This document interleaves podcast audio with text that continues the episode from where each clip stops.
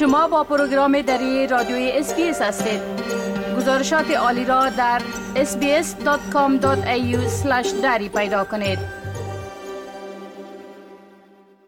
کلیر اونیل وزیر امور داخله استرالیا یک بررسی عمومی در سیستم مهاجرت را اعلان کرده است. این اقدام جدید در پاسخ به تحقیق در مورد بهره برداری از سیستم مهاجرت این کشور است که سوء استفاده های عجیب را نشان می دهد.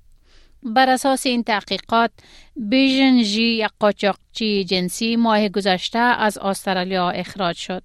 کلر اونیل وزیر امور داخل استرالیا می گوید این شهروند چینایی متهم به اداره یک گروه قاچاق انسان است که زنان را مانند مواشی از یک جا به جای دیگر انتقال می داد. These horrible people who are committing the worst crimes known to humanity and abusing our migration system in order to do it, those are the people we are after and those are the people we will catch. این افراد وحشتناک که مرتکب بدترین جنایات برای بشریت می شوند و از سیستم مهاجرت ما سوء استفاده می کنند افرادی هستند که ما به دنبال آنها هستیم و ایشان دستگیر خواهند شد. جی در سال 2014 با ویزای تحصیلی وارد استرالیا شده بود. او هرگز در استرالیا تحصیل نکرده اما چندین درخواست برای به دست آوردن ویزای دائمی داده است. روشی که به او اجازه داد تقریبا یک دهه در استرالیا بماند. وزیر داخل استرالیا می گوید این چنین قضایی نماد از مسائلی است که در سیستم مهاجرت استرالیا وجود دارد. So, what does the Nixon Review tell us about Australia's migration system? It tells us that we have serious and systemic problems with abuse in our migration system.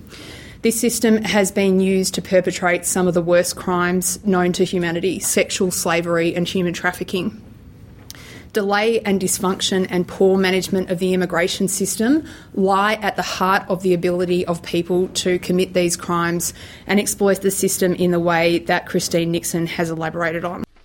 پس بررسی سیستم مهاجرت استرالیا نشان داده است ما مشکلات جدی سوء استفاده در سیستم مهاجرت ما داریم از سیستم مهاجرت استرالیا برای ارتکاب برخی از بدترین جنایات شناخته شده برای بشریت بردهبرداری جنسی و قاچاق انسان استفاده شده است.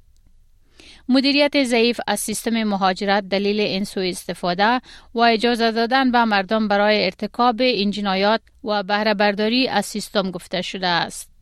گزارش کریستین نیکسون کمیشنر سابق پلیس ویکتوریا تحت نام سوی استفاده های عجیب و غریب در سیستم مهاجرت جنایات از جمله بهره برداری جنسی قاچاق انسان و جرایم سازمان یافته را افشا کرده است.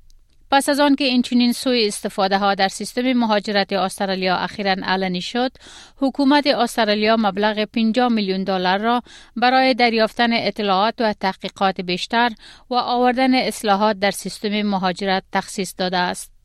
اندرو گلیز وزیر مهاجرت استرالیا می گوید که یک نیروی اعتصابی سوء استفاده سازمان یافته از برنامه های مهاجرتی و زمینه های نگرانی را هدف قرار خواهد داد. افزایش توانایی های تحقیقاتی در این مورد تفاوت بزرگی در این بخش مهم ایجاد خواهد کرد و تمرکز ما بر روی این امر مانند لیزر خواهد بود زیرا ما استفاده جویی از سیستم مهاجرت را از بین می‌بریم. The increase in investigative powers will make a huge difference to this important sector, as will, more broadly, the renewed focus, the generational investment in immigration compliance, because it's the compliance function that has been driving so much of the exploitation that's endemic, and our focus on this will be laser like as we drive out immigration exploitation, whether it be workers or others, from Australia's immigration system.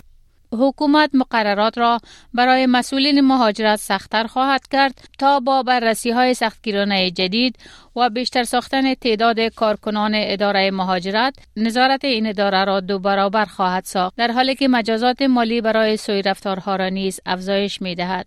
همچنین تقریبا سی میلیون دلار برای بهبود تطبیق سیستم بایومتریک و جمعآوری اطلاعات اختصاص داده شده است.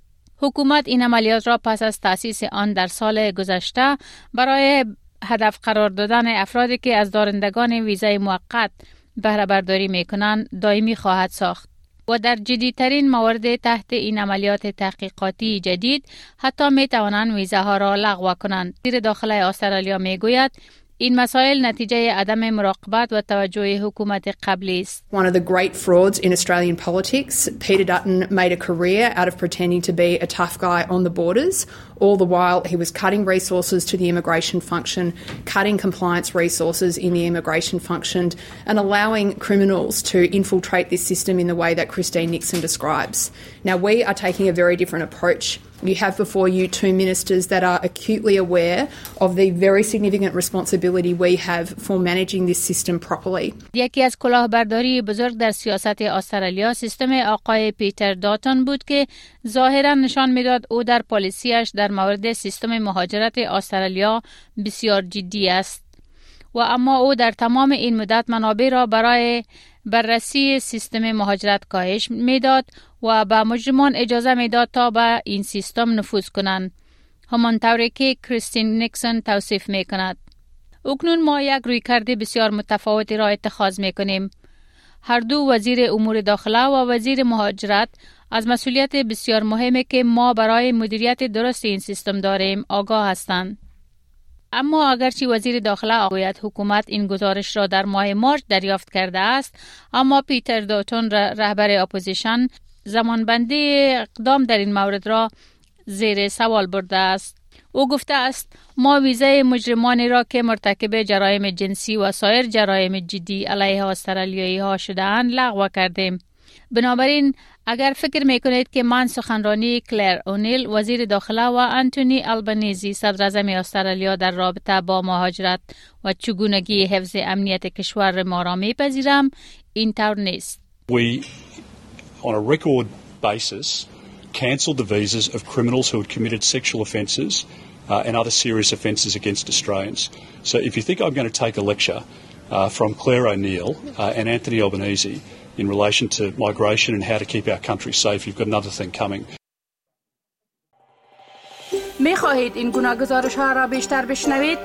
به این گزارشات از طریق Apple Podcast، Google Podcast، Spotify و یا هر جایی که پادکاستتان را می گیرید گوش دهید.